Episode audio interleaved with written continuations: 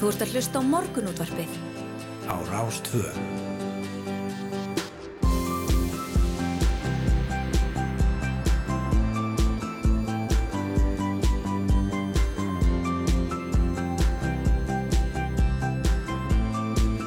Morgunútvarpið Á Rástföð.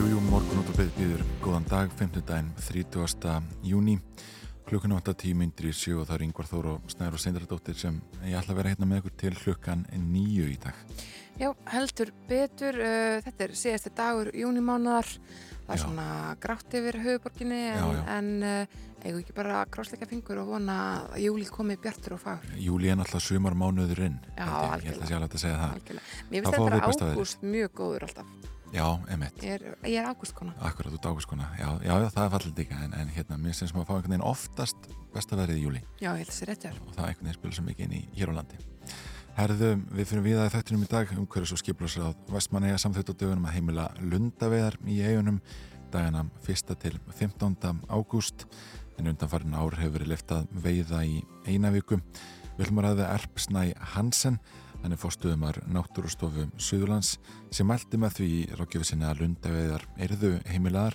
en að menn þyrftu að stilla veið í hóf og veiða aðeins til eigin nota Einmitt. Rúf hefur nú sett aukinn kraft í verkefni sem ber heitið auðskilið mál en í því fælst að skrifa nokkar helst frétti dagsins á íslensku sem flestir ættu að skilja. Þroskahjálp fagniði þessu framlægi fyrir vikunni og sagði meira annars að um mikilvægt mannreitndamál væri að ræða því öll eigum við rétt á að fá upplýsingar á máli sem við skiljum. Alli Sigþórsson hefur það verkefni fyrir höndum að skrifa þessa fréttir og kemur til okkar til að segja frá því og kannski hver er svona lindar dómurinn á bakvið Já. auðskilda frétt. Nákvæmlega. E, það ættu náttúrulega allra að vera auðskildar, myndi maður ætla. Já, það verður svona betra. Já, en e, það vakti tölver aðtekli í gerð þegar heimkaup tilkynnta fyrirtækið hefði hafið sölu og heimsending á áfengi. Til allstandist lög og reglur er heimkaup eða öllu heldur íslenska fyrirtækið Veto EHF aðeins dreifingar aðili áfengisins en nýstofnað danst fyrirtæki heimkaup APS selur áfengið. Við að ræða við Pálma Jónsson, fórstjóra heimkaupa sem hafna því að þessi viðskipti sjá gráu sveði. Það eruð vendingar í þessu máli sent í gær þegar það kom í ljós að formaður foreldra samtaka gegn áfengis auðlýsingum segði, sagði áfengisölu heimkaupa ólulega og um, grindi frá því að hann hefði kert fyrirtæki til lauruglu. Einmitt. Tyrkland stendur ekki vegi fyrir því lengur að svíjar og finnar gangin í NATO en landi fekk flestum ef ekki öllum sínum skilðum uppfyllt í samlinga um landana. Við ætlum að fara rækilega yfir það hvaða skilmála Tyrkland setti fyrir yngöngunni og hvaða þýðingu það hafi að gengið hafi verið að þeim við semu öllu sertar Evrópufræðing sem á rættir ættir að rekja til Tyrklands. Emmett.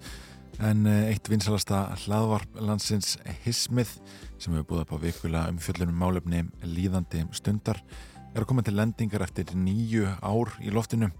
Síðasta Hismið verður tekið upp í beitni í kvöldi í ægiskarði úti á Grenda en umsjónar menn hlaðarsins Gretar Theodorsson og Árni Helgason þeir ætla að koma til okkar og gera upp síðustu nýju ári hlaðvarsgerðu íslensku samfélagi hér klukkan átta.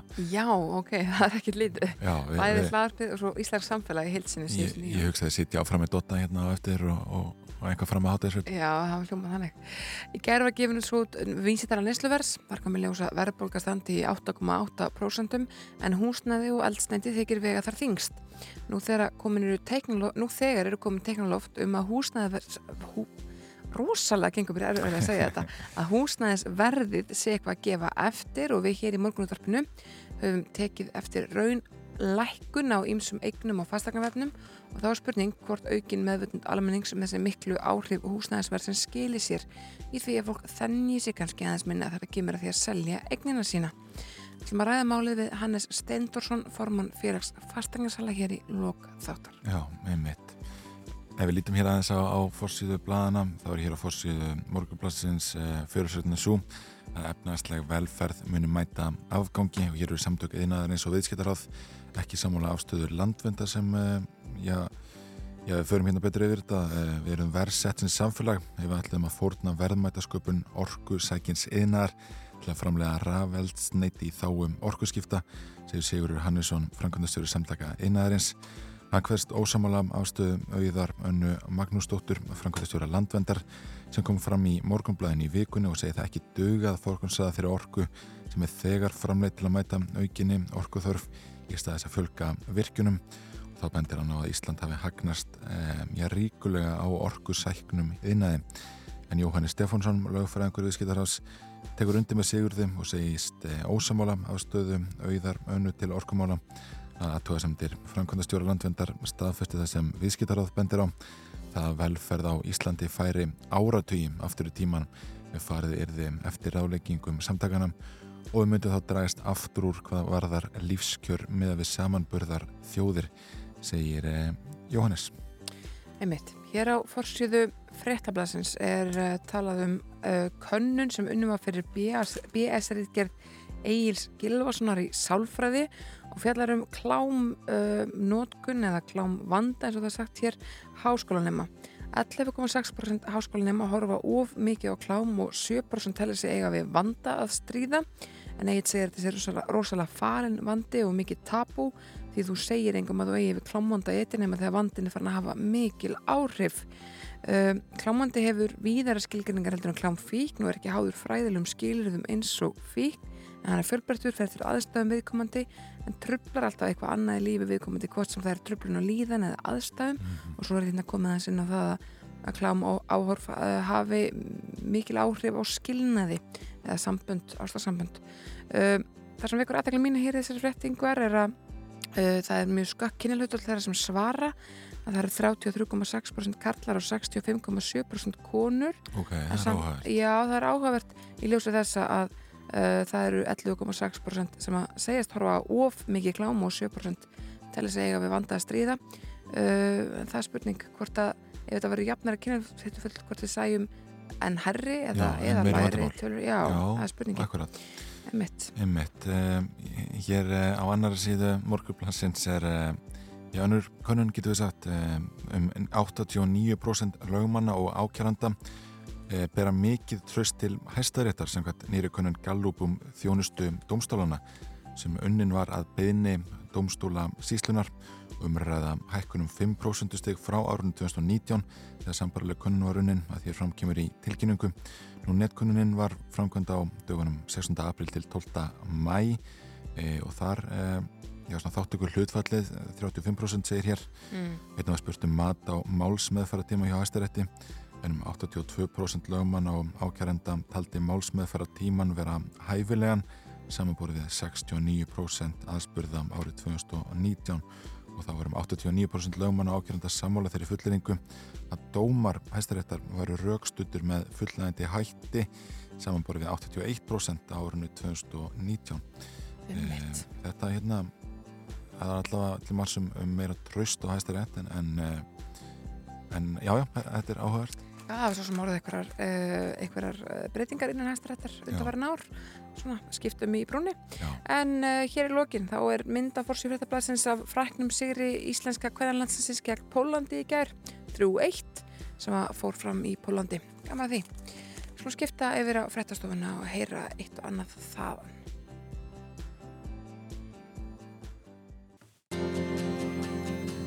Þú ert að hlusta á morgunútvarpið á Rástvö.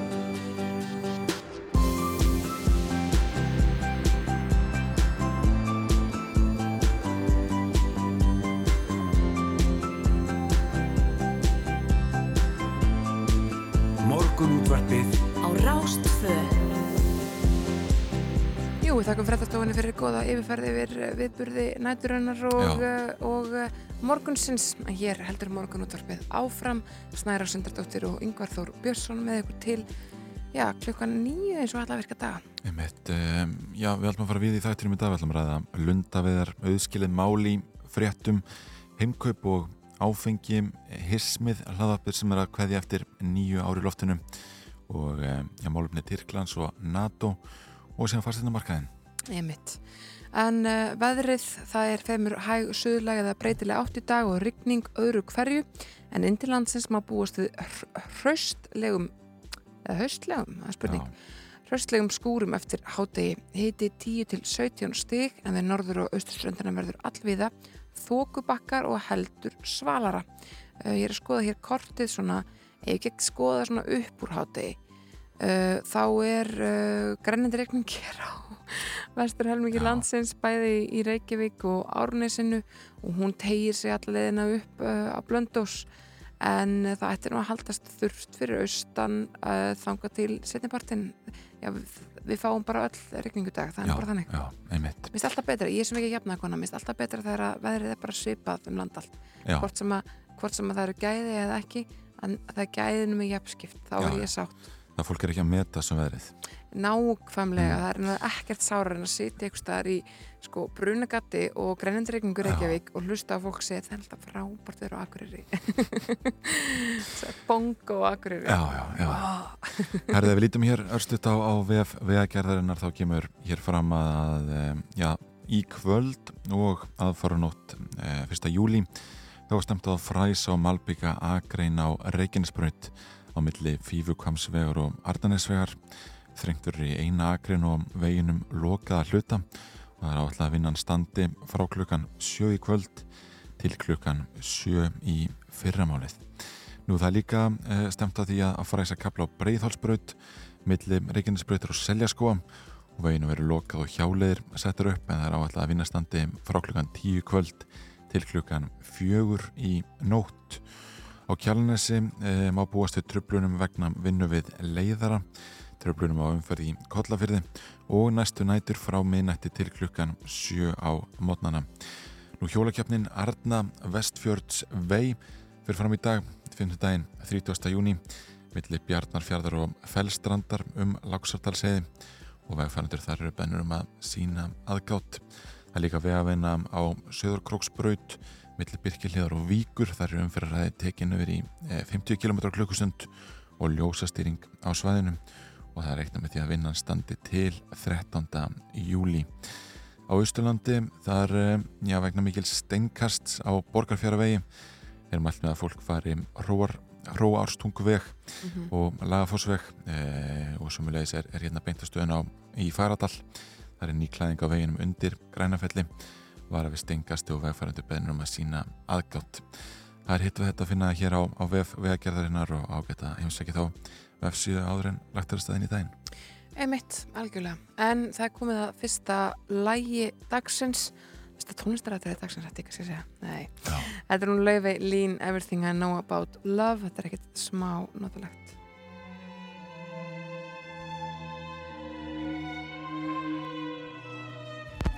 So enchanting in every way. It's everlasting every day. Sweet obsession, rose.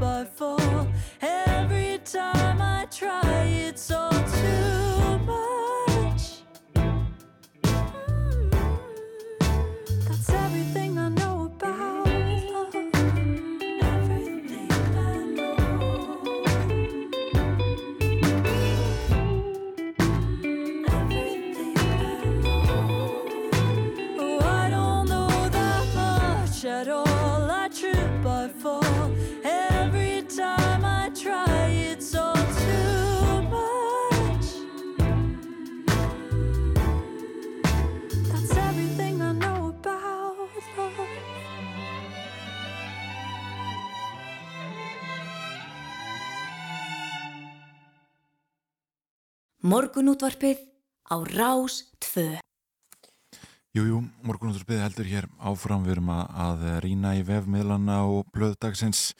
Það er nú eitt að þetta að finna. Við rættum hér östutum Arkelli í gær. Já, emitt. e, það kom í ljós í gerkvöldi að bandaríski söngvarinn hefur verið dæmdur til 30 ára fangilsisistar Mhm. fyrir að hafa stýrt kynferðis glæparhing þar sem bæði konur og börn voru misnótuð kynferðslega e, það hefur svona verið vitað af þessu máli í lengri tíma en, en einhvern veginn fyrst núna verið að verið að, að dæmi því Já, emitt.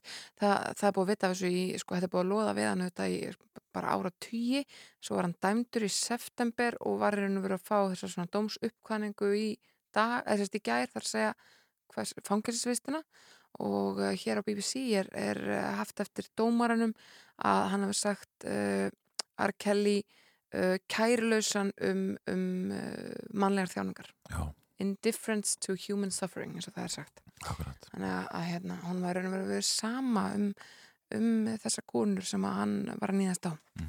Þetta er auðvitað einn af mörgum mönnum sem að einhvern veginn já, hefur verið tekin af háum stallið fræðarnar fyrir slík brot í bandarækjunum uh, Bill Cosby er ennþá í uh, stendur ennþá, það stendur ennþá réttarhaldi fyrir honum út af hinum í ymsum málum. Það var verið að dæma hann held ég í nákvæmlega að segja síðustu viku uh, fyrir enn eitt málið Já, sem að hann var hérna uh, já, bara fyrir, fyrir ofbeldið gagvart uh, stúlku sem var 16 ára eða eitthvað svolítið þetta er, uh, já, þetta er alveg hérna þetta er, þeir eru með halan eftir sér af ofbeldsmálum sem að þeir hafa einhvern veginn svona, já, dundar Já. sér við gegnum tíðina talandum framhalda á mál sem við rættum um í gær þá er hér í, morgunblæðinu á, á sjöttu síðum rætt við ekkert feldskera um þessar tillögur áslögar örnu áskóla á innaðar á þeirra mm.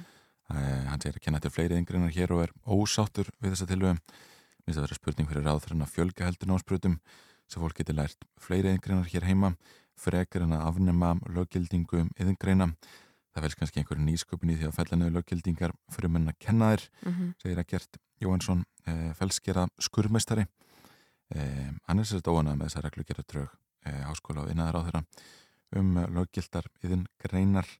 Eh, það meðal hann slagt til að fella niður löggildingu emitt, feldskurðar yðnar en hann nam feldskurður í London í tvö ár og, og færist síðan til Svíþjóðar. Úrskifast það nú reynu já, virtasta feldskurðar fyrirtæki heims já, í Malmö, segir hér í, í umfjöldun í morgunblæðinu. einmitt, talandi um Áslu Örnu það var hérna grein eftir hana í, í fréttablaðinu þar sem hún er að tala um uh, þungunarofs uh, viðsnúning hæstarætta bandarækjana hún segir, hún er að tala hérna svona leggur út frá því að, að tímamismunir geta oft reynd á það geti, geti tekið tíma að jafna sig eftir að ferðast á melli tíma belta og Íslendingar þekki það vel þegar komið er heim frá bandaríkinum uh, en samvinna á samskipti Íslands og bandaríkina í sér langa og góða sögu. Svo segir hún hins vegar að, að, að þar hafa orðið viðsnúningur þar segja stór, stórveldi sem leiðir nú ekki lengur braut frelsis og framfara heldur fyrir aftur til fortíðar þar segja bandaríkin. Hún segir á sveipstundu var tímamismunurinn á milli Íslands og bandaríkjana ekki talin í klukkutímum heldur árum og jafnvel áratugum stórveldi fóru í ferðala til fortíðar. Þetta er mjög hérna forðanlegt, hún er að tala hérna um að, að það hafi bara þarna hafi uh, já, bara ákveðin grunngildi uh, það ríki átökum grunngildi bandarísku þjóðarinnar og ég held að það sé nú alveg Hárætt sjáni. Já, já, einmitt og, og, og ákveðið stríðum grungildin verið í gangi í, í lengri tíma þar, mætti segja. Já, afskaflega polaris, mikil polarising. Já, já, einmitt. Við ætlum að fara að ringja til Eija, hér eftir smá að ræða lundaveðar. Eh, þar verið heimilaðar 1. ágúst til 15. ágúst eh, fyrst má músík. Já, þetta þekkja allir diggi lustundur stöðverðnar þegar þetta er svo vinsalt núna. Þetta er In Dark Purple Disco Machine.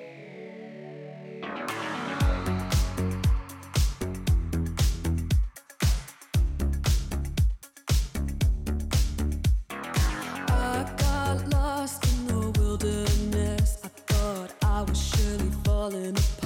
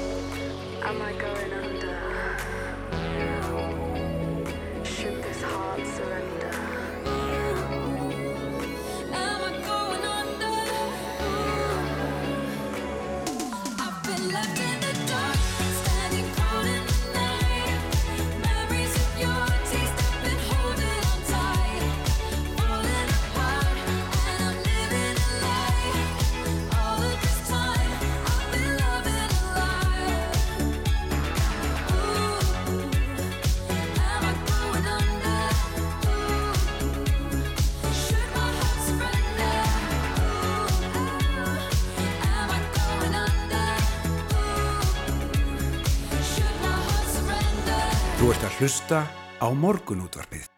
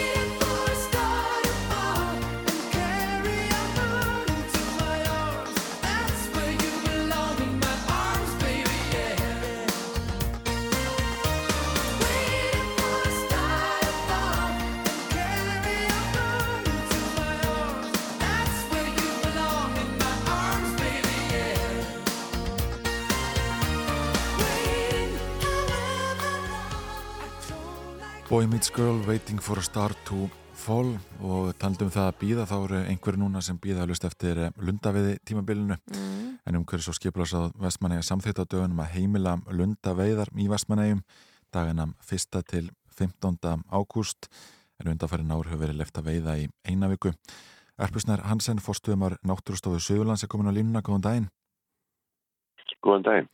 Hver er staðan á, á lundastofnunu núna? Hún er búin að batna núna undanfærum nokkur ár. Þetta er náttúrulega verið vandamáli sérstaklega í eigum uh, með landið svona.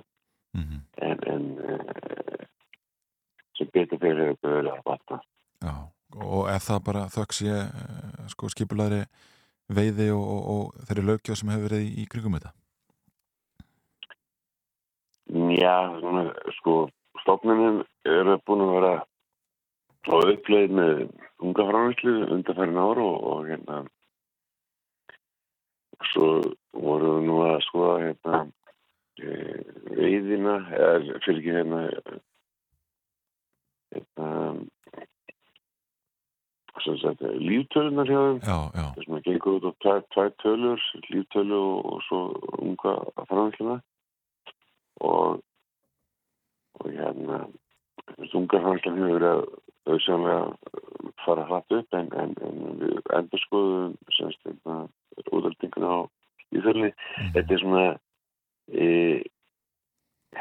það segir maður því meira gagnin sem er hefur því, því betri verður þetta verður hérna myndina á, á, á útöldinguna á lítölinni. já, Hún er hefur herri heldur en við svona verið ímyndakur og hérna og það er mjög góð fréttir eiginlega. Já, þetta tveit sem að spila saman í því að að hérna að hérna þetta er alltaf allt, alltaf ganga betur og, og hérna og við svona lögum til að, að hérna að menn mættu veiða meira en, en, en semst eh, við lögum til að ég. Já, ekki svo sem er við batterið annað en, en, en semst að að að hérna e, menn mættu við að meira en núna. Þetta, þetta er svona áriðtur réttum megin strikið. Og búin að vera eins lengur heldur en svona maður hafi gett ráð fyrir. Með öðrum annum að semst að, að hérna, stofnmenn er búin að vera framlega meira heldur en hann hefur ta tapar í raun sjálf, sjálfbara veiðar hafa verið verið hérna semst, lengur í gangi heldur en mm þetta er mjög svona marínmyndaði sér sko En er ekki, sko, ég er ekki betra að leifa hann að taka enn betur við sér? Er, er ekki óþarf að fara að að veiða inn í stofnin og, og taka þá einhverja sensa með þetta jafnvægi á milli sjálfbara veiða og hvernig við erum að ganga langt kakvart stofninum? Þetta, þessi, þessi fuggl trekkir að þúsundu ferðamanna á ári og svo framvegis. Jú, jú, sko þetta er spurningin um, þetta er alltaf stærsti fugglarsótt landsins og þetta er algjörðslega fugglar í Íslandi og, og hérna svo sem einhver, einhver þúsundur skipta kannski alltaf alveg máli í því samingi en, en hérna sem hefur horfum út, út frá stofnir hérna vistfræðilegum uh, hérna fórsendum að þá hann alveg veðar já, En, en það sem að er búið að gerast núna er við erum búin að endur skoða þessar líftölur. Fóru 93% 95% þessi 2% sem hann að skipta milli. Þetta er svona eins og vextir á bankabók sko að er skuldum. Kannski ísleika þess að það hefur breytt mjög miklu í þessu endur mati okkar það, það hækkar alla línuna um um törust mikið svona undanfærin ára einmitt, og, og er mjög jákvæða fréttist. Stofnin er að gera það betur heldur en við svona hérna e, gerum það á fyrir. Svona almennt séð þetta fullum er að lifa e, mjög vel þetta er dánantalan er mjög lág. Og hefur verið það undan þeirra svona 15 ár. Meðan að þeir með gengið bannanlega að koma bungum en það hefur sérst ræst mjög úr því þetta er vest í vestmannum en það hefur batnað mjög mikið undan þannig nokkur ár og það svona breytir mig miklu. Ég eigi mér svona, þetta er 40% stofnunum og það er svona rétt verulega og kútnum þar. Mhm. Þannig að þetta saman tekið því það að, hérna, að þetta er svona hérna, verulegur uppsiklingu og, og það sem ég laði mér enn til við, við Vestmannaðin bæ að að hérna að menn svona uh, það er hólegu hlutina. Þetta er því það sem ég var að segja að hlutina hafa verið betri heldur svona við höfum reiknað með undanfærin ár. Og við höfum svona, það hefur verið okkur í hægin Já. að hérna í raun hefur sko stofnum verið að búa til loksins hérna unga og, og, og svona bæta við sig og hérna við höfum verið svona byggju upp stofnum en, en eðli stofnsins er mjög söpbyggendur hann, hann hefur, höfum svona séð það síðslega 140 ára það er ekki fast föst bástæð, hún, fyrir upp og niður eftir sjáarhitta Já. eða hvernig sílu gengur sem er svona að hafa sjáarhitta og, og hérna og við erum svona í lægum núna er erfitt að, að mæla með veiðum svona þegar stundinir hafa verið eins og þeir hafa verið undan 15 ára eða hvað nú er Mhm. en, en sko það sem ég laði til var að menn stundu hólega viðar að menn var ekki í atvinnu við maður er ekki að veiða mjög mikið og selja Þú veist, hólega viðar að það er enginn sem hefur brumulega lassið fram og skildir um hvað það Já. ég svona laði til að það verði kannski 100 fullar það er svona fyrir fjölskyldu og, eitthvað svo leiðist og, og hérna menn bara svona, já Einmitt. það er að gera það en, en- en, ekki svona þúsundir sko Nei, nei, eins og hefur verið vennin einmitt. Erpusnar Hansen, fórstuðumæður Náttúrustofið Suðurlands, takk fyrir að vera á línni hjá okkur, við höldum áfram að, að fylgjast með þessu máli. Þetta er áhugavert. Takk fyrir það Já, það er komið tími til að skipta yfir á fréttastofan einhver. Jú, og síðan við að ræða við um, Jalla Sigþórsson en Rúf hefur nú, mm, sett í aukinn kraft í verkefni sem ber heitið auðskilið mál en í því fælst að skrifa nokkrar já, helstu frétti dagsins á íslensku sem flest ætti að skilja. Einmitt. Og þar, uh, það er mjög ábyrgandi að skoða þessar fréttir, þær eru starra letri, þær eru stittri og þær eru líka, einmitt, á svona hlutin eru sagðir bara svolítið blátt áfram í þeim. Einf, á einfaldri íslensku það er enginn verið að fara einhverjar málalengingar eða nota einhver, einhver skrúðirði og gífurirði og svona, þetta er bara einfald. Þetta er svona, þetta er ekki alveg sko krakkaskýring, þetta er eitthvað starra milli. já, já, nákvæmlega. E, og síðan ætlum við að ræða við fórstjóra heimkaupa en e, fyrirtækið ég ætla að hefja sölu og heimsendingu á áfengi og fóldrar hafa kert þetta. Einmitt, en uh, fyrst má skilabóð.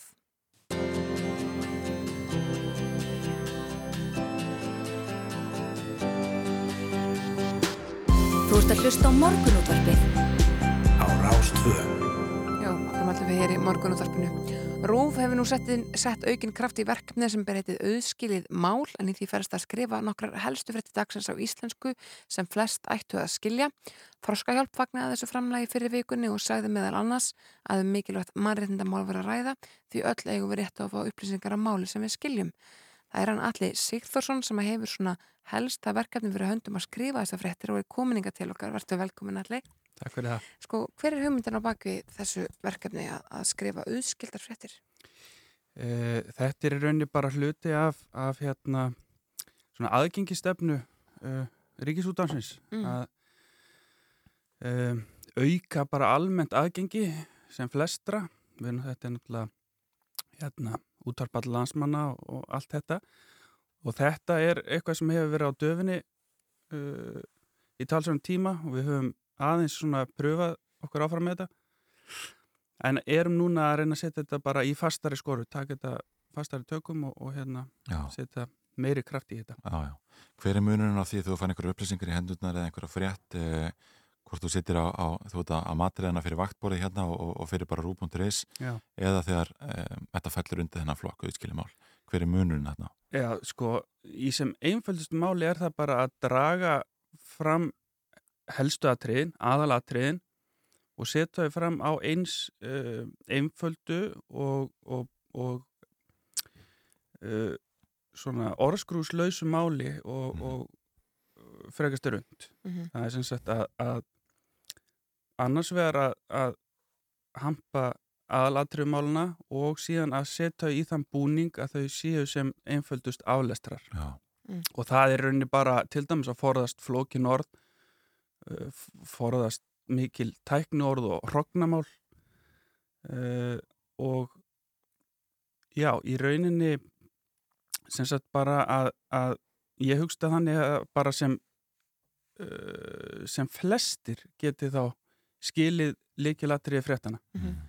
Sko, mér finnst mér þægilt að skoðan við sjálf af því að, að því að hann er hérna, ég veit nákvæmlega um hvað fréttin er þegar ég skróli gegnum fréttinar þú veist það er bara, maður fann tvö flöskuskeiti og þá veit ég það og geta einhvern veginn opnaði hana ef mér langar að vita meira Já. eða mikil verðbólk á Íslandi þetta er ekki eitthvað svona neslutala vís, nei, vísitala nesluverð Nei, 8,8% það skilur mig, þetta er ekki svona þetta er bara eitthvað svona skýrt Já, þetta eru bara svona megindrættir uh, þessara helstu frétta og það er til dæmis hluti af þessu er að forðast rosa mikið uh, prósentu tal. Mhm. Það er, það er ekki gott að, að fylla uh, auðskilda frétt af prósentutölum eða bara yfir höfuð háum og, og hérna löngum tölum Mhm.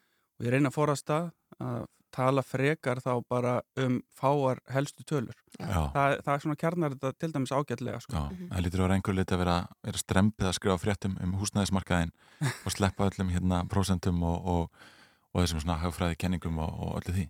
Já, mér finnst það allavega mjög krefandi sko.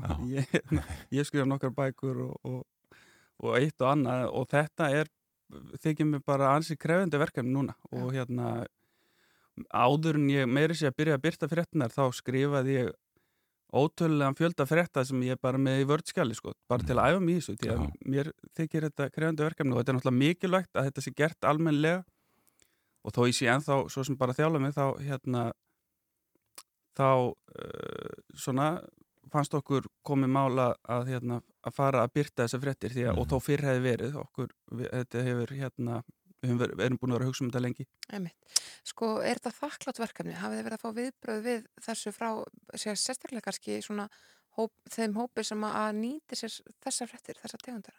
Já, við höfum verið að fá uh, góð viðbröð og uh, já, já, þakklátt er það uh, uh, og, og þó það væri ekki þakklátt þá einhvern veginn hérna bara var þetta eitthvað svo þarft fannst okkur. Þetta er orðið eiginlega bara sjálfsagt mál að byrta fréttir að þessu dagi og, og lönd sem við berum okkur sama við eins og gerðum sagt eru að gera þetta og vinna vel að þessum málum Mm.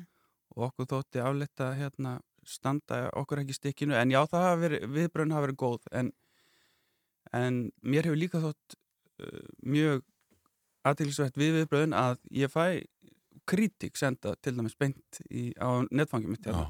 og það er mjög gott fyrir einhvern veginn sem við því að þetta er svona, þetta var svona mjúk byrjun hjá okkur og við til dæmis erum ekki komin af almennilega af stað í notenda samráð uh, eigum eftir að hitta þróska hjálp Mhm. sem að eru uh, vel að merkja með uh, miðstöðum auðleysimál og sem ég hef stuðst mikið við uh, en þannig að mér þykir mjög gott að fá, á, fá hérna svona dalla gaggrinni og, og aðtúasendi bara í tölposti sem ég fæ. Já, að hverju snýr gaggrinni þá?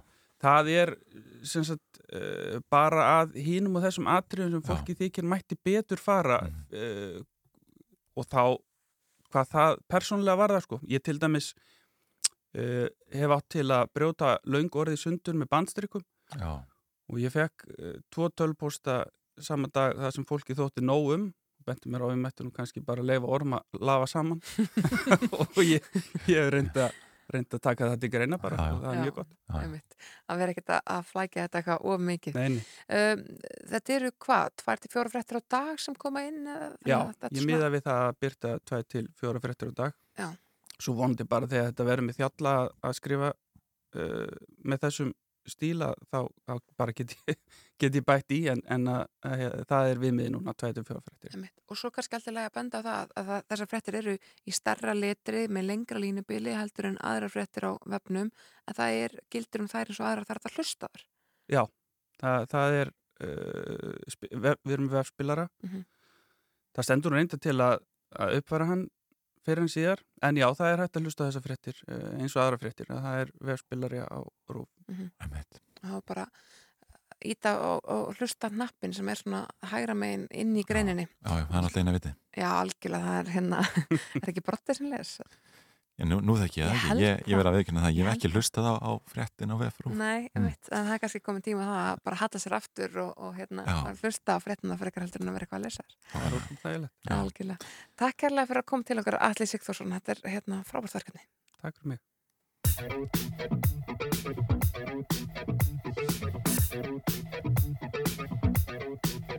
I was born in a city the winter nights don't ever sleep. So this life's always with me. The ice inside my veins will never bleed. Love. Love. Every time you try to fix me, I know you'll never find that missing piece. When you cry promise me. All I told you that I'll never leave, but always sacrifice.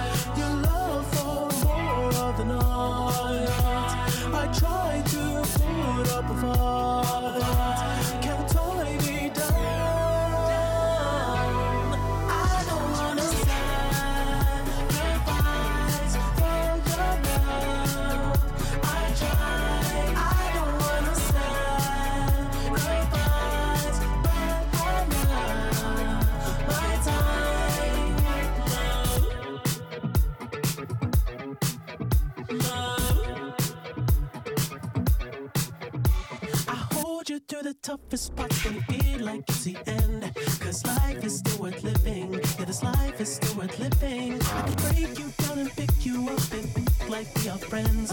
But don't be catching feelings. Don't be out here catching feelings. Cause I sacrifice, your love for more of the night. I try to put up a fight. Can't tie me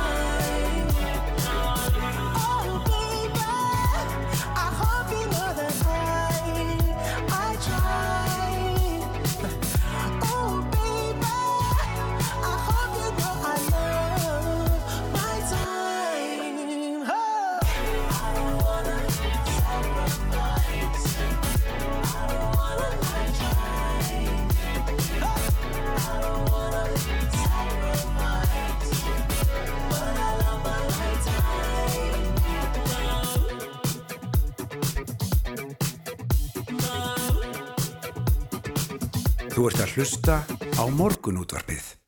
Á Rás 2. Það var til talsverð aðdegli gær þegar heimkaup tilkynnta fyrirtæki hefði hafið sölu og heimsendingu á áfengi. Pálmi Jónsson, forstjóri heimkaupa er hinga komin. Góðan daginn. Já, góðan daginn. Við erum aðeins að byrja á frétt sem kom inn sent í gær for, formaður fóröldarsamtaka gegn áfengis auðlýsingum eh, saði áfengisölun ykkar eh, ólöglega og kerði fyrirtæki til lauruglu eru það brjóta lög? Uh, já, ég er nú bara að lesa þessa, þessa frétt sjálfur í gerkvöldi. Uh, það er, ég held að sé mikilvægt að það komi fram að þetta eru tvö fyrirtæki. Það er ekkit ólöglegt fyrir danst fyrirtæki að selja á netinu og uh, það er heldur ekkit ólöglegt fyrir Íslands fyrirtæki að dreifa áfengi. Þannig að, uh, nei, við erum ekki að brjóta lög. Nei. Það er bara þannig. En er þetta á einhverju lit á gráfi svæði? Ég meina, nú hefur við séð önnu fyrirtæki gera, gera svipa, að fara svipa að leið. Já, sko, ég veit ekki með þau en allavega við teljum okkur ekki vera á einhverju gráu svæði svona. Mhm. uh, í raun og veru þá, þá myndum maður segja, sko, er, er Amazon á gráu svæði og, að- og, og posturinn að dreifa fyrir þá, sko. Mm Þannig að, nei, við teljum okkur vera hérna bara að gera löglega hluti en það enda líka er fyrirtækið danst og, og Ísland ekki með lögsögu í Danmörku En það er svolítið forvöldinlega þróun sem er orðið þegar kemur að þessari netverslun með vín síðan COVID-faraldurinn byrjaði. Það er alveg þá sem að, að já, þetta verið ljóst, það var líka þá svona smá umræðum það að það voru fínir veitingastæðir að selja sest, heimsendan mat og þau gáttu ekki að láta vínflösku fylgja með og svo framvegis. Það var svona eitt og annað sem að, að kom upp úr durnum þá og svo hófið þessi netverslun einhvern veginn uh, gungu sína og gekk bara þokkalega, hún var ekkert stoppuð af stjórnvöldum, þannig að sko breytist eitthvað í lagaumkörunu eða hefðu við fyrir löngu síðan geta verið farin þessi leið, það var bara COVID sem einhvern veginn svona, það fólk er uh, rankaði við sér uh, Já, eins og, eins og ég segi sko bara ítrekka enn og aftur að, að í, í, hérna, hvað við erum að gera Mm. við erum í raun og veru að dreifa bara fyrir danst fyrirtæki Einmitt. uh, hvernig uh, því að fyrir na, svona hátta fyrir uh, í þessu máli sem þið er að tala um bara, ég, ég get ekki svara fyrir það sko, ég bara er ekki kynnt mér að það er raun og veru sko. Nei, en, en, en það sem spurningin er raun og snýra því sko hvort þetta hefði verið hægt fyrir að fara þessa leið sem að þið og auðvitað önnu fyrirtæki hafa verið að fara. Já, ég uh, sjálfsögð Mhm. uh, það er bara þannig að, að erlendum fyrirtækjum er frjálst að selja á netinu og hefur verið það uh, í þó nokkun tíma. Mhm. Þannig að, að hérna, já, Mhm. það er að vera að gera það fyrir lengur síðan Já, já. En hvernig hafa viðbröðin svona almennt verið við þessum, þessari fréttatilkynningi í gær og, og hvernig byrjar salan?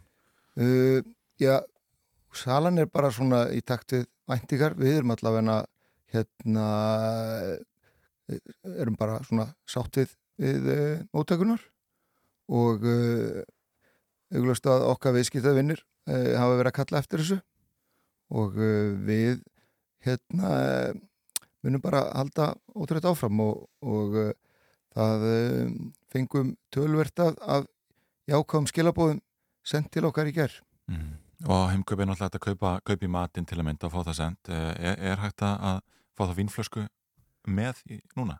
Sko, það, þetta eru, eins og ég segi, þetta eru tvö fyrirtæki, þetta eru tvær hérna, uh, verslanir á, á sérsagt uh, sem er heimastíðu, Mhm. þannig að ég raun og veru kaupur áfengið uh, sér, þú greiðir fyrir það sér og uh, það er uh, hérna uh, gefur út sé, sko, þú veist bara heimkaup Sér sé gefur sín eigin já. reikning út fyrir þessu og þetta er, í raun og veru hefur með takmarkað með, með uh, heimkaup að gera fyrir auðvitað það að það, það er selt á, á síðunni og uh, það gildir sama við erum að selja fyrir önnu fyrirtæki Já. líka Já, já. Mhm.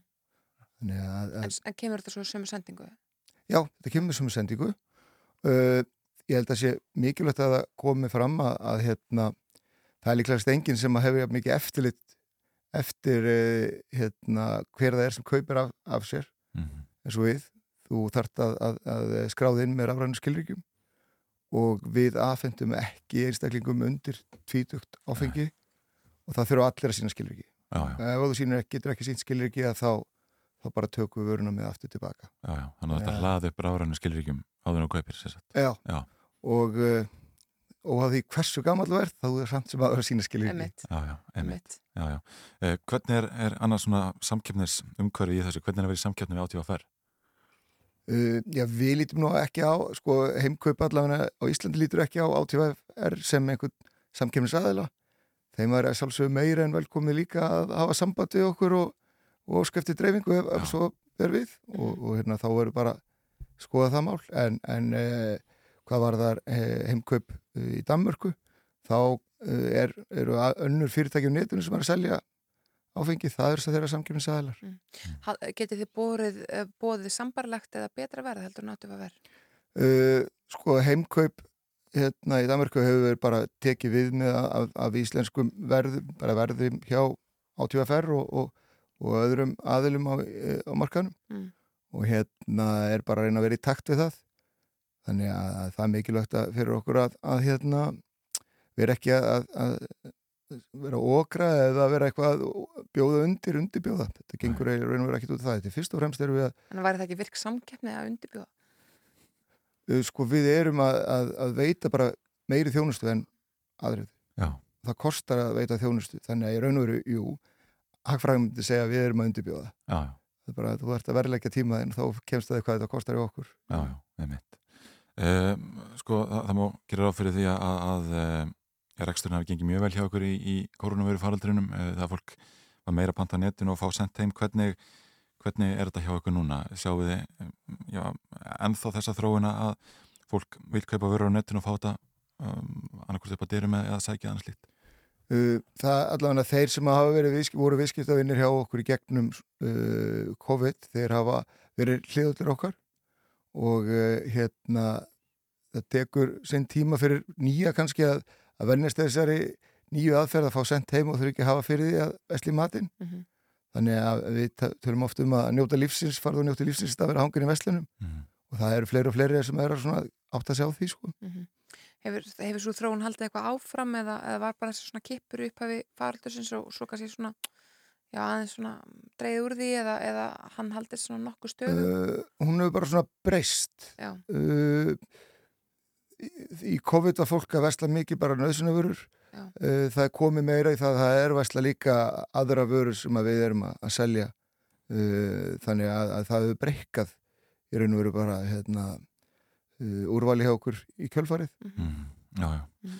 Það er 15. dag, litli fyrstudagur eins og, eins og sem ég segja e, Býstu við því að fjölmörg fari núna og, og versli áfengja okkur í dag? Já, það var allavega en ég veit að, að, að hérna, heimkau úti er því óalega ánæðar að sjá að Íslandika tekja vel á mótið þeim en, og, og við bara eins og fyrir aðra við bara vonuslega að geta fengið að dreifa fyrir flesta mm -hmm. Ég meit Þetta er áhugavert. Eh, við eh, þökkum fyrir að kominga til okkar Pálmi Jónsson fórstýri heimkaupa. Já, takk hérlega. Með heyra hérna smá Bill Withers Lovely Day.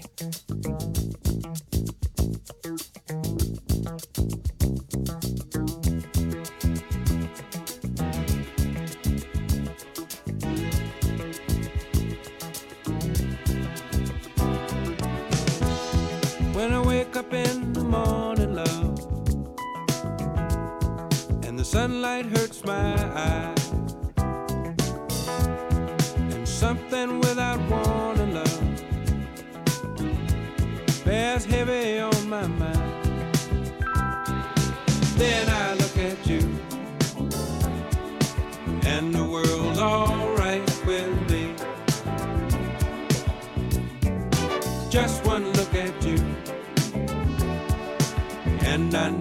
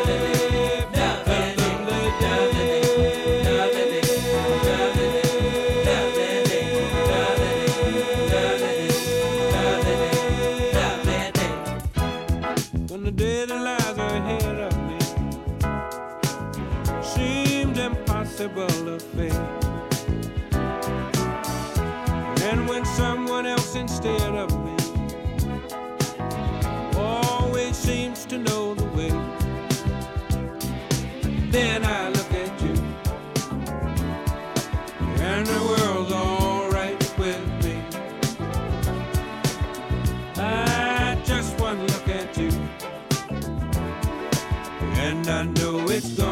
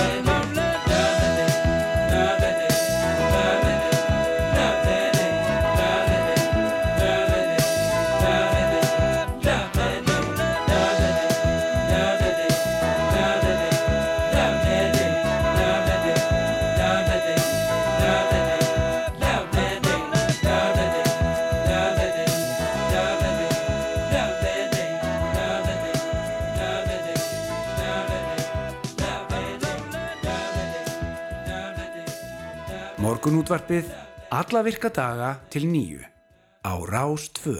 Jú, jú, það stýttir svo sem í áttafréttir í ákur yngvar en við erum að renna yfir uh, vefmiðlana. Er eitthvað áhugavert að frétta? Já, það er nú hitt og þetta hér sem hættir að nefna á uh, VF uh, RÚF.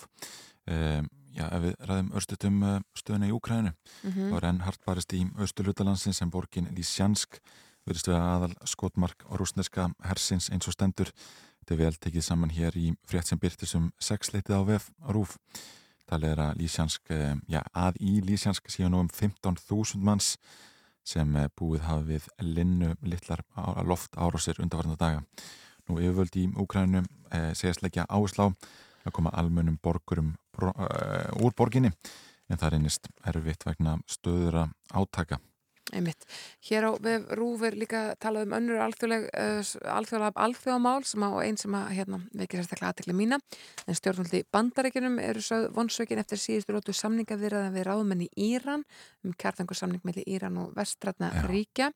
Viðræðan hafa staðið yfir sín í nóumbur og síðast ári og er bandarækjumönnum mikið muna samningar ná sem fyrst og eina ástæðan fyrir því að ég er svo spennt fyrir þessu er að Íran og bandarækjun er að fara að mætast á heimismestaramótunu í uh, knattspinnu í nóvember Já, já, Íran, Bandaríkin og Bretland í samariðli. nákvæmlega, þannig að það er spurning hvort að, að uh, já, við fáum eitthvað svona þegar, þegar sko, leikurinn fram þá leysist Já, deginni já.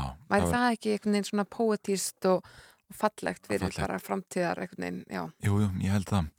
Nú, eh, það er svona lengra liðin á sumarið og maður vonar að fleiri sé að stilla vekjarklukkuna aðeins setna, séu komin í frí. Eh, þá er ágætt að fara hérna austur yfir veðrið. Maður hæg sögulega átt eða breytilega átt í dag og rigning öðru hverjum. Inn til landsins maður búast við hraustlegum skúrum eftir hátegi og hitti 10 til 17 stig. já, séum bara gleðilt sumar og gjöru svo vel, hér eru fréttir Þú ert að hlusta á morgunútvarpið á Rás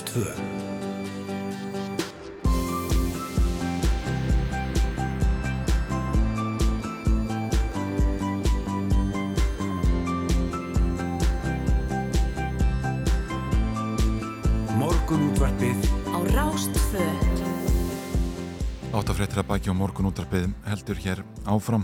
En eitt vinsalasta hlaðvarp landsins Hismið sem hefur búið upp á vikulega umfjöllunum málefni líðandi stundar er að koma til lendingar eins og ég segja sjálfur eftir nýju ári í loftinu. Síðasta Hismið verður tekið upp í beitni í kvöld í ægiskarði úti á Granda og umsjónumenn hlaðarsins Gretar Theodorsson og Árni Helgarsson er hinga komnir góðan daginn. Já, góðan daginn. Hvernig er tilfinningin? Hún er bara, já, svona góð eða svona blend, blendnar tilfinningar. Já. Við erum nú svona svo sem lengi stenda því að þetta er því síðasta tímabili hjá okkur, sko. Nýju ár, þetta er náttúrulega langur tími, sko. Og Já, það er ímslegt gerst á. Einmitt, við vorum aðeins að reyna að rifja þetta upp, sko. Það er svona eitt og annað búið að ganga á, sko. Já, já. En hérna, nei, nei, er ekki bara svona allir, allir góði hlutu þurfa einhvern tíman að, að svona finna sinn, finna sinn farveg, sko. Er þetta svona formlegur dauði dút podcastins þar þegar tveir menn uh, skiptast á skoðunum þýðir þetta ef það sé þið svo hættir þá geti aðri farið að- að hætta líka Ég, ég held sko ef, að, ef, að, ef þið langar að hlusta á tvo menn skiptast skoðum þá, getur, þá finnur þú þetta sko. Já. það er nóg, nóg frambúð Mm. En þú fannst það ekkert endilega þegar þið byrjuð? Nei, það var kannski ekki alveg þannig en er þetta ekki líka veist, við erum alltaf báðið konar á 50 aldur Já. og veist, er þetta ekki bara komið að hleypa, hleypa yngra fólki að þetta er svolítið svona er þetta ekki er þetta svona ungra fólks leikur Já, um, að vera Hlaðvarpið. Er það ekki- er það ekki En svolítið? sko, ég meina, tölurnar okkar að rúf sín okkur að, að hérna, eldri fólk hlusta mikið á hlaðvarp mm. Og það sem eldra fólk þá er að tala um fólk- uppi færtu Já, já, já, svona, jafnvel fólk á okkar aldrei. Já, einmitt, einmitt. Það er náttúrulega orðið líka, það er náttúrulega skemmtilegt, sko, við byrjum hérna, já, november 2013, þá byrjum við, þá var þetta náttúrulega, voru örfáir eitthvað bæðið að gefa út og, og hlusta á hlaðvörp, sko. Já. Og það var alveg þannig í svolítinn tíma.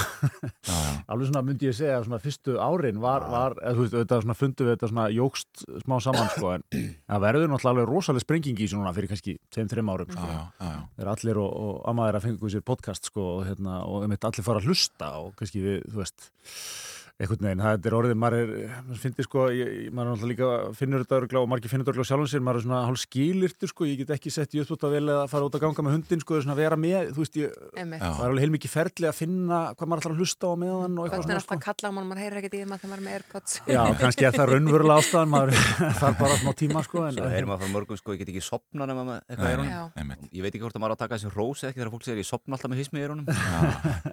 það sé gott eða slæmt sko. Við að fyrir eh, í áttafréttum hérna fyrir þetta einslag að það er nú fáið þættir ef einhverjur á Íslandi sem hafa verið nýju ár sömu umsjónamunum Já, sem náttúrulega Liverpool maður verði að gefa sjátt á hérna kop.is podcasti sem að byrjaði sko, er það er alveg fárað, það byrjaði sko 2007 eða eitthvað Það hann ekki verið sömu kettirnir í því alltaf. Nei, en reyndar akkurat, það voru að hafa það í huga með, með sama mannskapnum. Og enda er þetta samstarf hérna á síðustu metrunum. Við kreistum eitt átt í kvöld og... Já, Það talið séðan ekki við. Nei, það verður svona hittust á förnum vegi bara. Já, ætlum við að ræða saman í gegnum lögmenn en, en hérna En hafið ekki ágjör af því með þetta að þegar að þið einhvern veginn hafið ekki lengur en að fasta punta sem þið þurfið svona að greina málefni lind stundar og svo framvegis að- að þið verðið í, í hérna já þið verðið svona með innbyrða eða uppsapnaða þörf til þess að, að deila hvað, hvað ykkur finnst. Gretar verður nú hérna í vikulókunum á lögadag Já, ég fæ strax að tappa af. Á, hérna, nei, nei, við, við erum dölur að taka símtöl. Já. Og þau eru að verða alltaf svona kalla á kallalegri. Það er fínt að hafa þau bara mitt okkar. Þau eru að verða svona svona heim, heimur vestandi fer svolítið þema í þessu sko en, hérna, jú, en það var svona kannski líka samt eh, eitthvað sem að, mér eru alltaf þótt svolítið vænt um þetta og hefur held ég verið svona ástæðan við erum kannski verið þetta lengi að að þetta hefur verið bara skemmtilegt og þetta hefur verið svona áreynslu lítið hjá okkur griðari og hérna og það er nú held ég svona líkillin að þessu þetta væri mjög, hver þáttur væri alveg nýþungt verkefni að hérna, hver segði hvað og á hvaða tímapunkti og eitthvað svona, þá hefur þetta örugglega ekki lifað svona lengi sko, en það hefur svona verið það sem er gaman og ég man nú og þú veist, ég ætla hérna, ég man alveg sko þegar við byrjuðum og hérna, þá vorum við, sem sagt, við gerðum þetta inn á svona hlaðvarpsplattformi sem að kjarnin var með, mm kjarnin.is og ég man að hérna, það hlustaði einn af þeim sem vann þar á svona fyrstu þættina og, og hann sagði sko Já, strákar, þetta gæti orðið ágætt ef að þið breytið um framsögn og efnistök og hérna, ég sé ekki alveg hvað mikið eftir sko, en, en, en, kannski að því leitinu til að, og ég minnst það líka svolítið skemmtilegt eftir á að við svo sem stó, stóðum alveg með því, við, við, þetta eru svolítið svona bara tveir vinnir að spjalla þetta er ekki endilega eitthvað rosalega undibúið Nei. þetta er ekki rosalega þungt og við alveg, held ég, leiðum okkur bara svona að gera það þannig, veist, og hérna, ég held að það hafi svona kannski verið en maður ætti að hérna, fara að greina sjálfan sig og okkur tvo, hérna, svona kannski sjarmin við þættina, þetta er, þetta er bara svona einlægt svolítið, þú veist, það er engin það er ekki hérna búið að prenta út 30 skjöl fyrir eitthvað og hérna Já, við höfum talað um bara það sem okkur langar að tala um. Já, þannig að hérna það er það þetta á mótana líka sko. Að tala um. Það er mjög mikilvægt. Það er mjög mikilvægt. En nýju ár á hlaðarpi um, við vorum svona að grínast með það hérna fyrir þátt að, að já, og í, í, í einslæðinu hérna í byrjun þáttar. Mm. að einhvern veginn að þið þurftu að sitja hérna fram í hátegisfréttir með Dotta og, og eitthvað fram til degi. En, en hvað hva stendur upp úr eftir, eftir nýja ár? Egið þið uppáhaldsþátt? Já, ég á eiginlega tvo uppáhaldsætti. Já. Bátn er eiginlega svona sendriðin báðum sko. við byrjum svolítið að fjalla svolítið um pólitík og svona, og það er alltaf verið svolítið svona rauðið frárinn, svona samfélagið svolítið, efnaðsliðið, pólitík og svona, svo fóruð við svolítið, svo færðum okkur svolítið bara inn í hluti sem við höfum lengt í og góða sögur. Já. Ég á tvo þetta sem að hérna átnin og svona í miðunni á eins og ég sagði, það er nú annars vegar þegar að fóð með vinn okkar á EM í, í fótbolta. Og þeir eru, þeir eru mjög ólíki menn. Átni er svona, sko, maður, er, maður er mættur eiginlega bara setjast inn í vélina þá ringir átni, ertu mættur? Já, já, ég er inn í vógunum, við erum bara alveg að þetta það er alltaf mjög seitt sko, þannig að vinnur okkar er bara hann, hann bankar á listuðu sko. Og þeir voru, fóru alltaf saman í sólarhinsverð og það, það var ekki þetta var mjög, mjög hérna svona, gekk á ymsu Ríkisútvarpinu, það. Var að og þegar vinnuðin rúpnaskýttan týndist fyrir austan og átni Já. fór austur og, og fór á svona, þegar vetur austur að, leita að. að hjálpa Já. Já, var, það var nú allt mjög eftirminnilegt Já.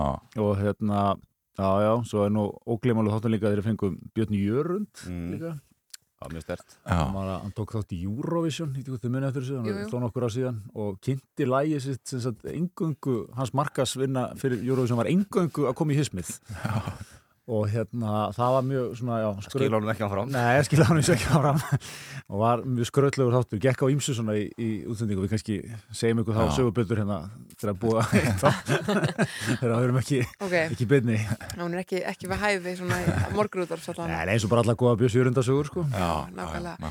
En bara svona samfélagi, hvernig hefur það breyst það þessum nýju árum síðan að þið hófuð, uh, hófuð þessa vegferð? Já, það er góð spurning sko. Er- við erum alltaf, maður alltaf svona hlítun að stoppa við, þú veist, samfélagsmiðlana og þessa, og bara þessa svona eh, einhvern veginn hvernig allir eru on og virkir á öllum miðlum einhvern veginn allstaðar maður svona aðeins að við erum nú eitthvað búin að vera að bara að telja saman alla þættina og, og hérna ná utanum þetta núna fyrir loka þáttin og ég er svona búin að vera mikið að skoða Facebook fæslur svona 2013-14 finn eitthvað þætti. Þá sér maður, kennst maður aðeins inn í þetta sko, það voru 2013 voru allir á Facebook Fekk mér rauðvín eða eitthvað svona, er það Já, ekki já. statusum? Sótti krakkan í leikskóla. Akkurat, það gerist ekki til lífi fólk sem að setti svona ör statusum á Facebook. Mhm. ég sko tek það á sjálf á mig líka. Ég var að, ég var að fara í gegnum hérna, fítið hjá mér og bara hvað, gerði ég ekkert nema að segja frá því sko?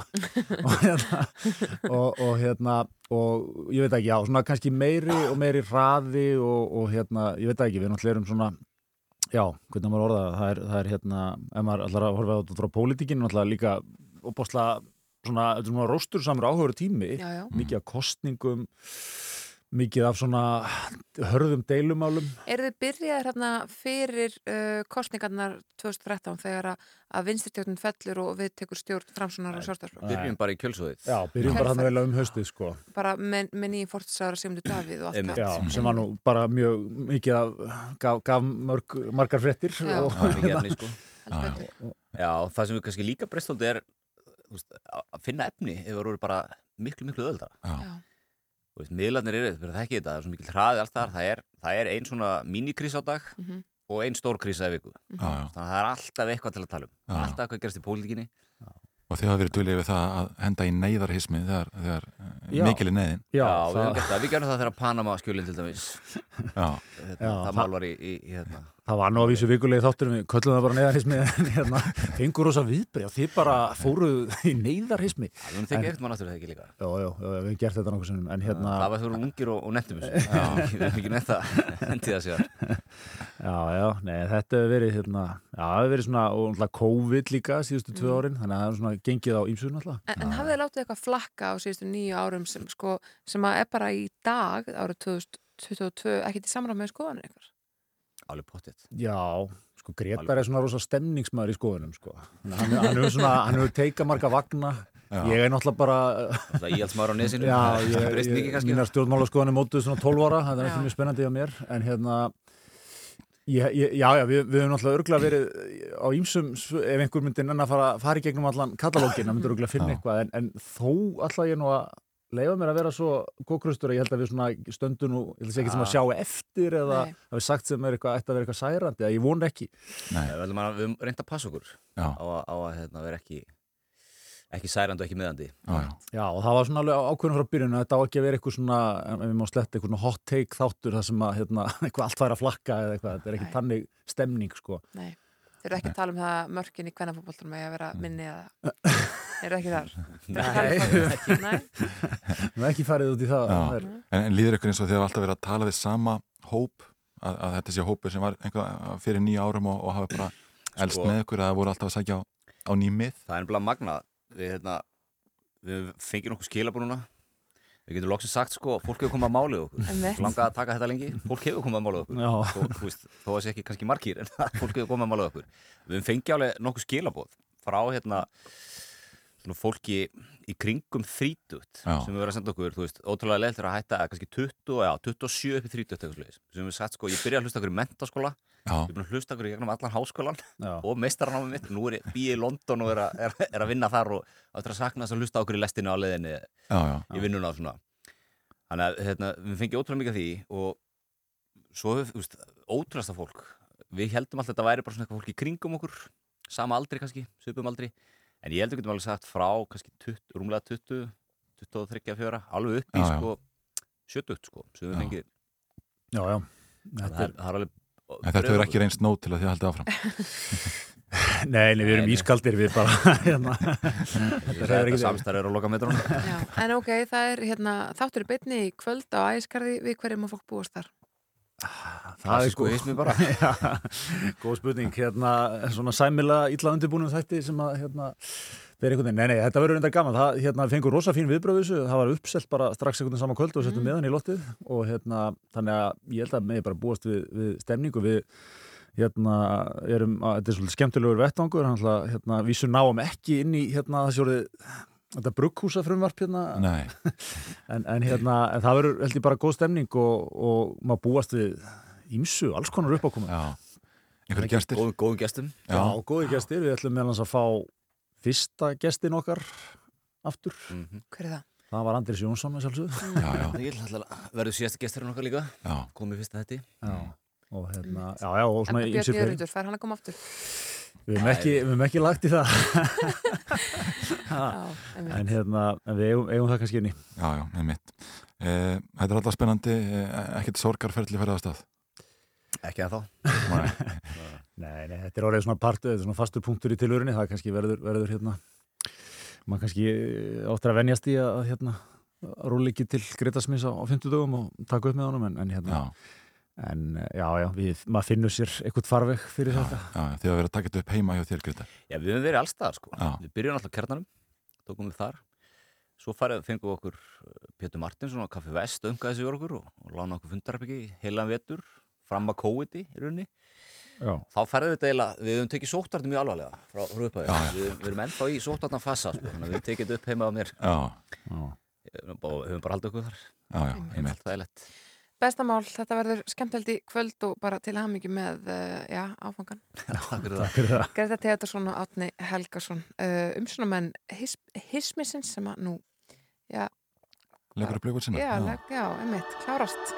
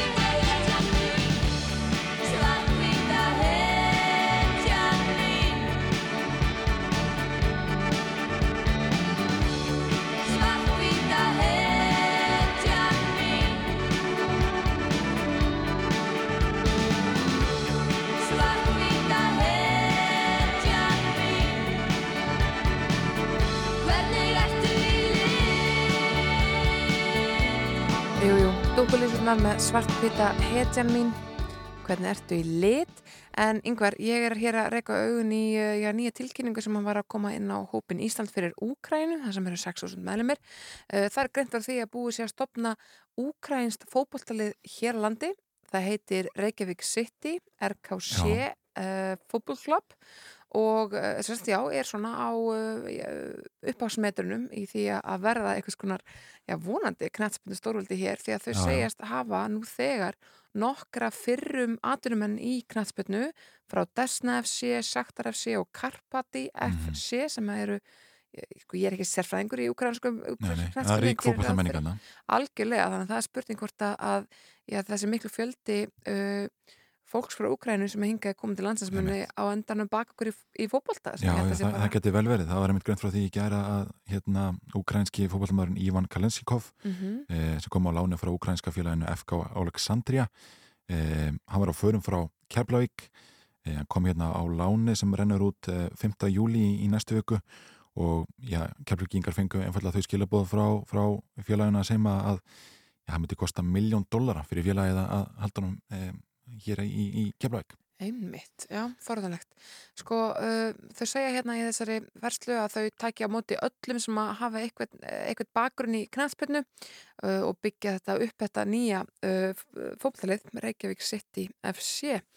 Þetta er hérna, já, eins og segi, ég myndi að segja þessi heilbyrð samkeppni Já, í já. ísla, ísla, íslenska knæðspilnu. og spurning hvort að, þau fjárfesti í Ívan Einmitt. hver veit Við skulum fjara ykkur yfir á fréttstofuna.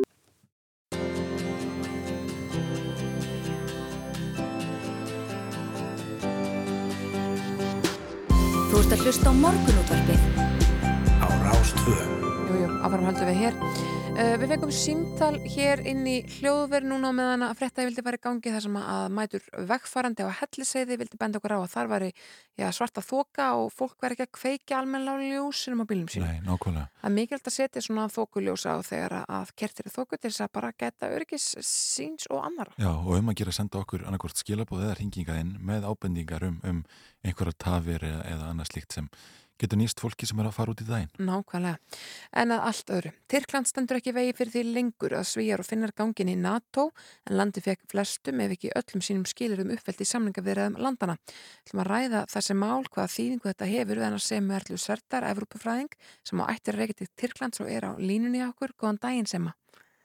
Góðan daginn. Förum að þessi stuttlega yfir það hvað, uh, sko, hvað skilir þið eru þetta eða hvað skilmálum var mætt af, uh, af svíjum og finnum til þess að Tyrkland leti af þessum svona, uh, já, þessari træðu sinni til að samtíkja engangu þeirra í NATO.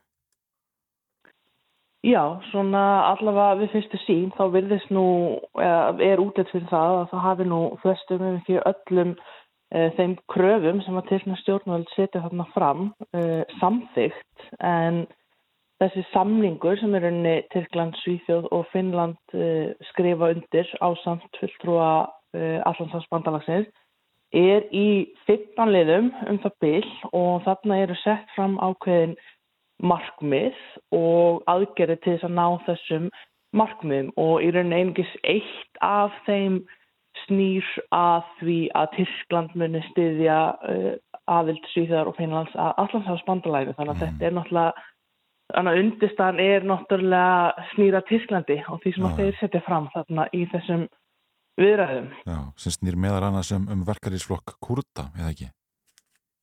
Jú, í rauninni er aðal áherslan, uh, hún er á öryggis og varnarmál og það er þessi rauði þráðurum þarna, er þessi hriðiverka ógn sem að uh, Tyrkna stjórnvöld tala um í Tyrklandi sem meðal annars uh, kemur frá hreyfingum kurta að þeirra mati og, og þarna er til dæmis uh, skýr yfirlýsing um það að Svíþjóð og Finnland þeir munu ekki styðja hreyfingar kurta og þeir viðkenna að kurdiski verkamannaflokkurinn sé skilgjendur sem hriðiverkasamtök eins og þeir gestur henni í Tyrklandi ekki, ekki á mörgum öðrum uh, stöðum og Og það sem að í rauninni kannski líka einn áhugaður punktur þarna sem snýra því að, að þessi ríki þau sagt, taka til greina vandlega, þetta er mjög svona áhugast orðalag e, líka í þessu e, beðinni tilneska stjórnvalda um framsall e, á grunni af hriðverkamönnum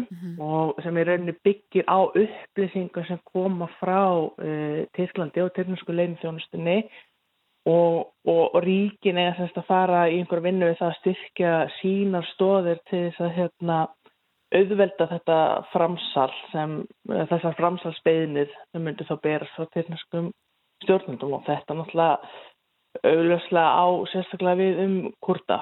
Einmitt. En það, það eru ansi, að þú nefnir sko grunniðum hriðverkamönnum, það eru ansi skipta skoðunur um hvort að það sé rétt lýsing á þessum hópi fólks sem að hreinlega hefur stjórnmálaskoðunir sem að samaramast ekki uh, já, strangri krumlu þyrknarskra yfirvalda eins og hún er núna. Já, já, algjörlega. Þetta er rauninni alltaf, ég menna, það getur, ég menna, fjölmiðla fólk, uh, mótmælendur, uh, fólk sem hefur starfað innan, innan lögjarvaldsins, ég menna, þetta er fólk sem að í dag er í fangelsi í, í Tyrklandi, þannig að þetta náttúrulega geti átt við rosalega stórn hóp, þannig að það svolítið fyrir því hvernig Tyrkir myndi þá tólka uh, hvað það þýðir að vera grunnaðir hriðverkamar og það er um tala um það sérstaklega í þessu samningi að þetta að, að þau verða að taka til greina þær upplýsingar sem koma frá Tyrklandi um það hvaða fólk þetta ætti við. Þannig að þetta er uh, þó að það kannski svona það augljósa í þessu er að, að þetta minni eiga við kurta, þá er þetta líka rosalega opið og, og gæti náttúrulega bara áttir rauninni við já bara stjórnarandstæðinga í rauninni, hverju sem eru sko í, í Tyrklandi eða frá Tyrklandi. Einmitt. Uh, það er, það er ríkað fyrir, fyrir mannrettindum og, og, og mannrettindastefnu í, hjá stjórnvöldum í, í Svíþjóð og Finnlandi en er þetta að þínu mati svona ákveðin uppgjöf í, í þeim efnum? Er, eru þau að bregðast til að mynda kúrtum? Ég kannski, það sem að mér finnst uh, endur speglast kannski svolítið mikið í þessu óháð, á, óháð því hvað, hvað þessi tvöríki akkurat núna er að gera, þá er þetta náttúrulega Þetta snýst náttúrulega fyrst og fremst um völd um, og þetta snýst um hvað uh, tilnast stjórnvöld og Erdogan eru að reyna að ná fram. Í rauninni, veist, í, í þessu tilfelli áða við um Svíþjóð og Finnland og þeir eru kannski mögulega að gefa af sínum, jújú, jú, vissulega þessum grunngildum um, um mannrettindi og, og líðræði og auðvitað ánáttúrulega ekki að uh, það er vond að sjá að, að hérna ákveðnum hópi fólks er, er kannski kastað undir, undir rútuna á þess að það séu erfitt að, að setja því stöðu svíja og finna. Þetta er náttúrulega líka þannig að, að það er verið að taka einhverja rosalega stóra ákvarðanir uh, undir ógn. Uh, fólk er kannski, það er, það er mikið hræðsla, það er mikið ógti og, og það er alls konar ákvarðanir stóra sem eru teknar um, á, þegar fólk upplifar, upplifir slíkt. En Og þetta virðist náttúrulega vera eins og, eins og ég horfi á þetta, þá er Erdogan náttúrulega bara að leika sér. Um, hann náttúrulega nota hvert tækifæri sem gefst til þess að styrkja sína stöðu. Honum er náttúrulega í raunin alveg saman það til dæmis hvort að e, finnar svíjar ganga í allarsvarsbandalagi eða ekki. Hann er náttúrulega bara að horfa á hvernig styrki ég mína stöðu heima fyrir. Og mm. þetta er ekki til fyrsta skipti og þetta er ekki til síðasta skipti sem hann notar heimsmálinn til þess að styrkja sína stöðu sko. Mm -hmm. Þannig að, að hérna, já, hún bara tókst þessi leikur í raun og veru, við höfum aðeins fjallað um hann, hann fekk bara allt sem hann vildi, já, því að, að því að öröndinginum að komast inn í allsansbandalagi fyrir svíja og finna, er það mikil? Já, um, algjörlega, það er einu, og eins og segi, það er ekkert í, í fyrsta skipti, þetta, þetta verðist vera einhver svona ítrekkuð uh, atbyrðar sem við erum að horfa upp á, þetta hefur nýlega gerst líka uh, í samningum með Evrópussambandið þegar hérna, uh, ströymið flótafólks til Evrópu var, var sem mestur þá, þá eru, ger, eru gerðið þarna ákveðni samningar uh, við Tyrki eða Tyrknesk stjórnvöld sem eru mjög mjög enginleir og, og þetta, segja, þetta snýst svo mikið, þetta er svo mikið sigur fyrir hann heima fyrir og veist, það er aldrei neitt einhvern veginn svona tilvílunarkent þegar kemur að, að Erdogan og Tyrknesku stjórnvöldum og og þetta til dæmi styrkir hans stöðu uh, í sambandi við þjóðurni sinna mm -hmm. í, í Tyrklandi. Og ég meina það eru rísa stórar kostningar á næsta ári í Tyrklandi, bæði fórsettakostningar og þingkostningar þannig að þannig náttúrulega er hann bara veist, þannig að þetta snýst að svo miklu leiti um hann og hans stöðu og, og hvað hann getur gert uh, fyrir sjálfan sig sko. Emitt Já, þetta er afskaplega forðunlegt að fylgjast með þessu. Sem er það sérðar Everbúið fræðingur, takk kærlega fyrir að vera línunni. Takk sem leið Hér til skamma stundu ætlum við að ræða fastegnaverðið við Hannes Stendursson, formann félags fastegnasala en uh, sko ver, verðbólgan sem var kynnt í gær 8,8% hún skýrist að miklu leiti af bæði elsniti og fastegnaverði en það hefur hins vegar svona við hefum séð að lækka á einstaka eignum Já. undafarið. Einmitt, það voru einhverjir hagfræðingar sem töluðum það ekki að, að mögulega einhvers, einhver raunverð lækkun í kortunum Einmitt. allavega. En um, þetta er mikil verðbólgam og áhvert að við Hannes Steindorsson hér eftir eitt lag. Elgjörlega, þetta er Love is a Drug með Roxy Music.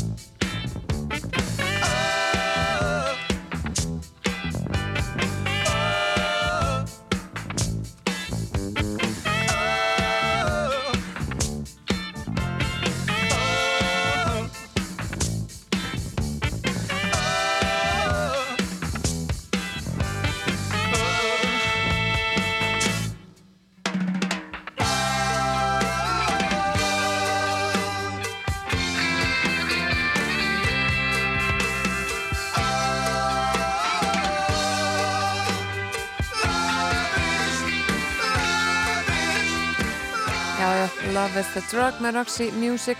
En í gerð var gefin út vísa til að neysluverðs og þar komið ljósa verðbólgastandi í 8,8% húsnæði og eldsnendi þykir vega þar þingst en uh, já, það voru einhverja hagfræðingar sem voru að segja í gerð að það væri svona teikni á loftum að húsnæðisverðið sé eitthvað að gefa eftir við hér í morgunutvarpinu Yngvar og Snærós höfum aðeins verið að taka eftir svona lækkunum á ymsum einstaka fastegnum uh, á fastegna vefnum, þá eru það kannski teknar út settar henn aftur á aðeins lægra verði og þá veldur maður fyrir sér hvort að, að það sem meðvitund almenning sem þar er að kikka inn ef svo má orðið komast.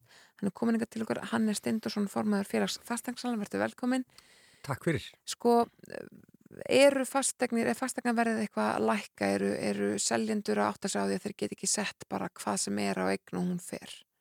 Sko fastegnverðið er klárlega ekki að lækka en auðvitað eru einu og einn íbúð sem að er seljendur setja of hátt á af því að eins og allir, öll þjóðin veit að þá er markaðurinn einhvern veginn í, í því ástandi Mhm. þannig að þó svo að ég segjum að ég ætla að setja mín eigin í sölu og fasteinarsali verðmöturinn á 80 en ég prófa að setja 88 uh, verðskinn kaupanda er svo gríðarlega mikið og gott Mhm. að fólk lætur bara ekki bjóða sér það.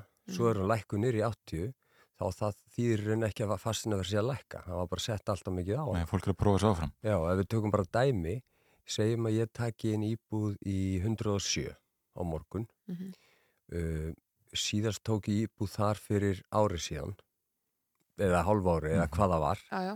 og þannig ég fyrir að skoða markaðin og ég reikn út frá þinglisni kaupsamningum og hvað er til sölu og svo framvís uh, og ég ákveð eitthvað verð uh, eða sérst ég sérst, legg til eitthvað verð og svo tekur á, seljandin ákvörðun. Uh, þeir sem að koma að skoða eru með miklu meira og betra verðskinn á sitt hverfi heldur en nokkuð tíma fastegnasalinn Mm. þau þeir eru búin að vera að skoða hverja einustu fastegnar í þrjú ár Mhm. þannig að það, það, það þýðir ekkert að setja bara eitthvað, það Nei. er bara að setja rétt verð. Það var aðalega frá einhver stefni sem sagði gerða að hlita koma til raunverðs lækkunar á fasteinamarkað á næsta árum. Ertu ósamála því? Nú er ég ekki sérfræðingur í því. Um, Fastinverð hefur hækkað um 25% á einu ári. Ég gerir ráð fyrir að það hækkim svona 4-5% viðbót á þessu ári og svo byrjaði byrja þessist hækkunin að, að, minka eða hæjast á. Um, það er 8,8% verðbólga, hefur ekki verið meiri síðan 2007. Það er svona verðbólga vísvegar um heiminn og ég held að stærsta verkefni okkar sé að ná henni niður. Um, það að fasteina verið komið til með að lækka finnst mér mjög ólíklegt í ljósi þess að e, það eru 286 íbúður til sölu á öllu höfuborgarsvæðinu þá er að tala um frá Mosó út á Seltjarnes e, það má gera ráð fyrir að það ættu að vera svona 4.000 til 5.000 til sölu þannig að markarinn teljist í jafnvægi. E, e, ég var í viðtalum daginn þar sem kom fram að e, kannski fyrir 6 mánuði síðan mættu 20 manns í opið hús. Núna mætti kannski bara 10 eða 7 en íbúðin selst samt alveg að frætt það þarf ekkert 20 eða 30 Nei. Þetta er ekki til maður sem að segja einhvað að hægja á markaðum. Nei, nei, nei. Og þó, það er sko, minna, í síðasta mánuði fast, sem sagt, meðalsölu tími eigna á höfuborgarsvæðin er 30,7 dagar. Það er þó, þó það. Já, og það er nefnilega í, í fréttum er oftast bara talað um það sem er áhugavert náttúrulega Já, já. og allt selst á yfirverði og allt selst á einum degi, það er einfallega ekki rétt. Meðaltímin er 30,7 dagar Eh, Reyndar var nýtt met ef að, ef að met skildi kalla í síðasta mánuði þar sem yfir 50% egna fór á yfirverði. Mhm. Ég tel að sútala lækki hratt á þessu ári og eina lustin á þessu er uh, að byggja meira. Það er hérna ekkert annað sem hægt er að gera. En er ekki líka lustna fastægnasalar svona, svona snúi hérna vörninsókn eða snúi bökum saman og ákveði að vera ekki að leggja til of háa verðlækningu þegar kemur að þessu þó auðvitað sé fólk kannski með svona smá krónumerki í augunum og, og vilji fara herra en fastægnasalan leggur til en það sé samt svona aðeins tekið taumana þar. Sko, það er alltaf rosalega erfitt að taka taumana þegar við ráðum engu um það, sko. Nei, nei. Þú veist, seljum... þeir eru svona sérfræðingar þegar það fólk hlustar já, auðvitað. við verðleggjum eignir eftir okkar bestu getu Mhm. Og ef við gefum úr bara dæmi, ég verð með á 51,9 og ástæðan er svo að ég er búin að skoða þinglista kaupsamninga í hverfinu og ég er búin að skoða hvað þetta er sölu og ég sé að þessi íbúð í húsinu við hliðina seldist á 50,4 Mhm. og þess vegna leggjum við til, ég til 51,9. E, síðan tekur eigandin ákvörnum að setja 54,9. Annarkvort gengur það eða ekki. Mhm. Nú ef að eigandin fer eftir mínum ráðum setja 51,9 þá eru 50% líkur að svo íbúð fara á yfirverði af því að þannig er markaðurinn í dag. Mhm.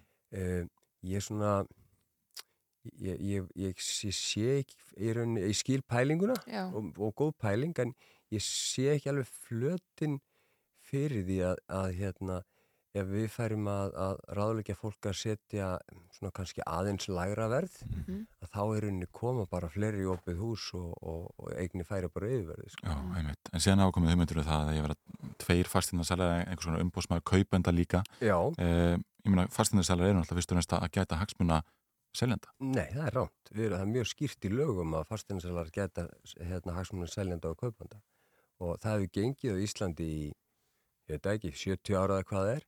Hins vegar, flest allstaðar annar staðar í heiminum er fasteignasali fyrir kaupanda og fasteignasali fyrir seljenda. Og ég er alls ekkert á móti þeirri hugmynd. Eh, En hvernig er það tryggt í íslensku lagaumhverju að, að þið tryggir réttindi og, og, og hag kaupenda? það bara er mjög skýrt í lögum að leið og kaupandin kemur á borðinu þá er hann jafn, jafn vígur seljanda Mhm. og við höfum að geta hagsmuna að begja aðila. En síðan er þetta þannig að það er oft um, verið að tala um að uh, fastegnarsalinn ráði svo miklu en það er náttúrulega bara ekki rétt. Jón kemur og vil gera tilbúið upp á 50 og þá bara gerir hann það. Uh, Sigrún, hún vil fá 55 þá gerir hún bara gagd tilbúið á 55 við erum bara milligöngu aðili. Mm. Eh, okkar hlutverk er fyrst og fennast að sjá til þess að þær eignir sem við seljum séu í lægi og séu eh, búnar þeim hérna eh, útbúnaði gæðum sem að þær eiga að vera búnar. Mm.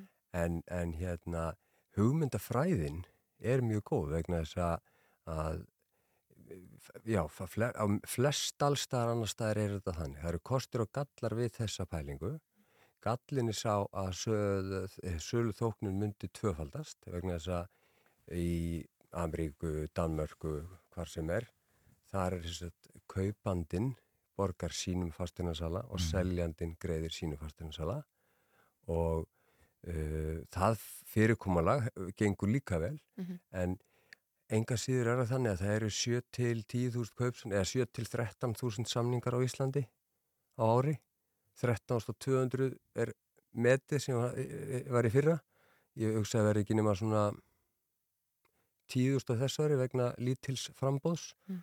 og það ferli gengur bara vel Einmitt. Þetta verður að vera að loka orðin okkar í dag. Hannes Stindarsson, formaður félags fastagnarsala. Takk kærlega fyrir komuna í morgunúðarpi. Við uh, erum búin að fara vitt og breytt um, um svona svið dagumáluna dagingvar. Jú, það er ótt að segja að við rættum lundaveðar hér í byrjun þáttar. Fengur sér til okkar Alla Sigþórsson hér á Rúflað. Ég ræða aðeins um uh, já, verkefni sem heitir Auðskilið mál. Mhm. Við rættum heimkaup og áfengi. Uh, fórum við, fengum umsjónarfólk hismisins til okkar. Já, einmitt þeir eru að kveðja eftir nýju ári loftinu. Já. Eitt vinstarstallhafar plansins. Já, já, einmitt við höfum þá uh, átt ára eftir Snerós til að uh, jafna þá stráka Mhm. og síðan var að sema Erla. Serdar sem rætti aðeins um stöðin í Tyrklandi. Algjörlega. En við verðum hér aftur á morgun. Allt efnið okkar er aðgengilegt á vefnum eins og við þekkið mjög vel og við eh, heyrumst heil.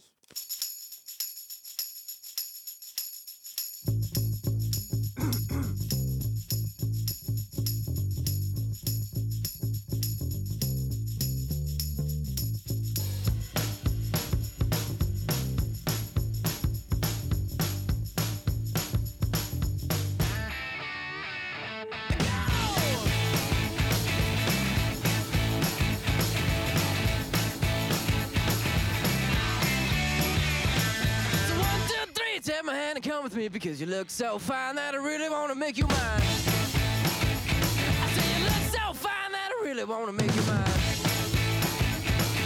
Four, five, six, come on and get your kicks. Now you don't need the money when you look like that, do you, honey?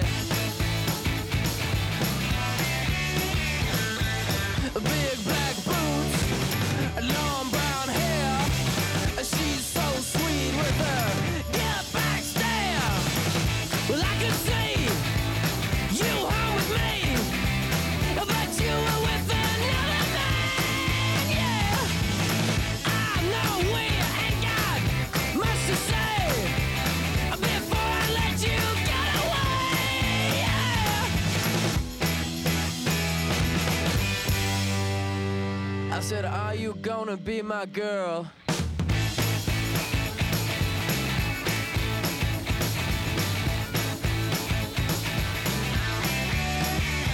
It's one, two, three, take my hand and come with me because you look so fine that I really wanna make you mine. I say you look so fine that I really wanna make you mine. Four, five, six, come on and get your kicks. Now you don't need money with a face like that, do ya?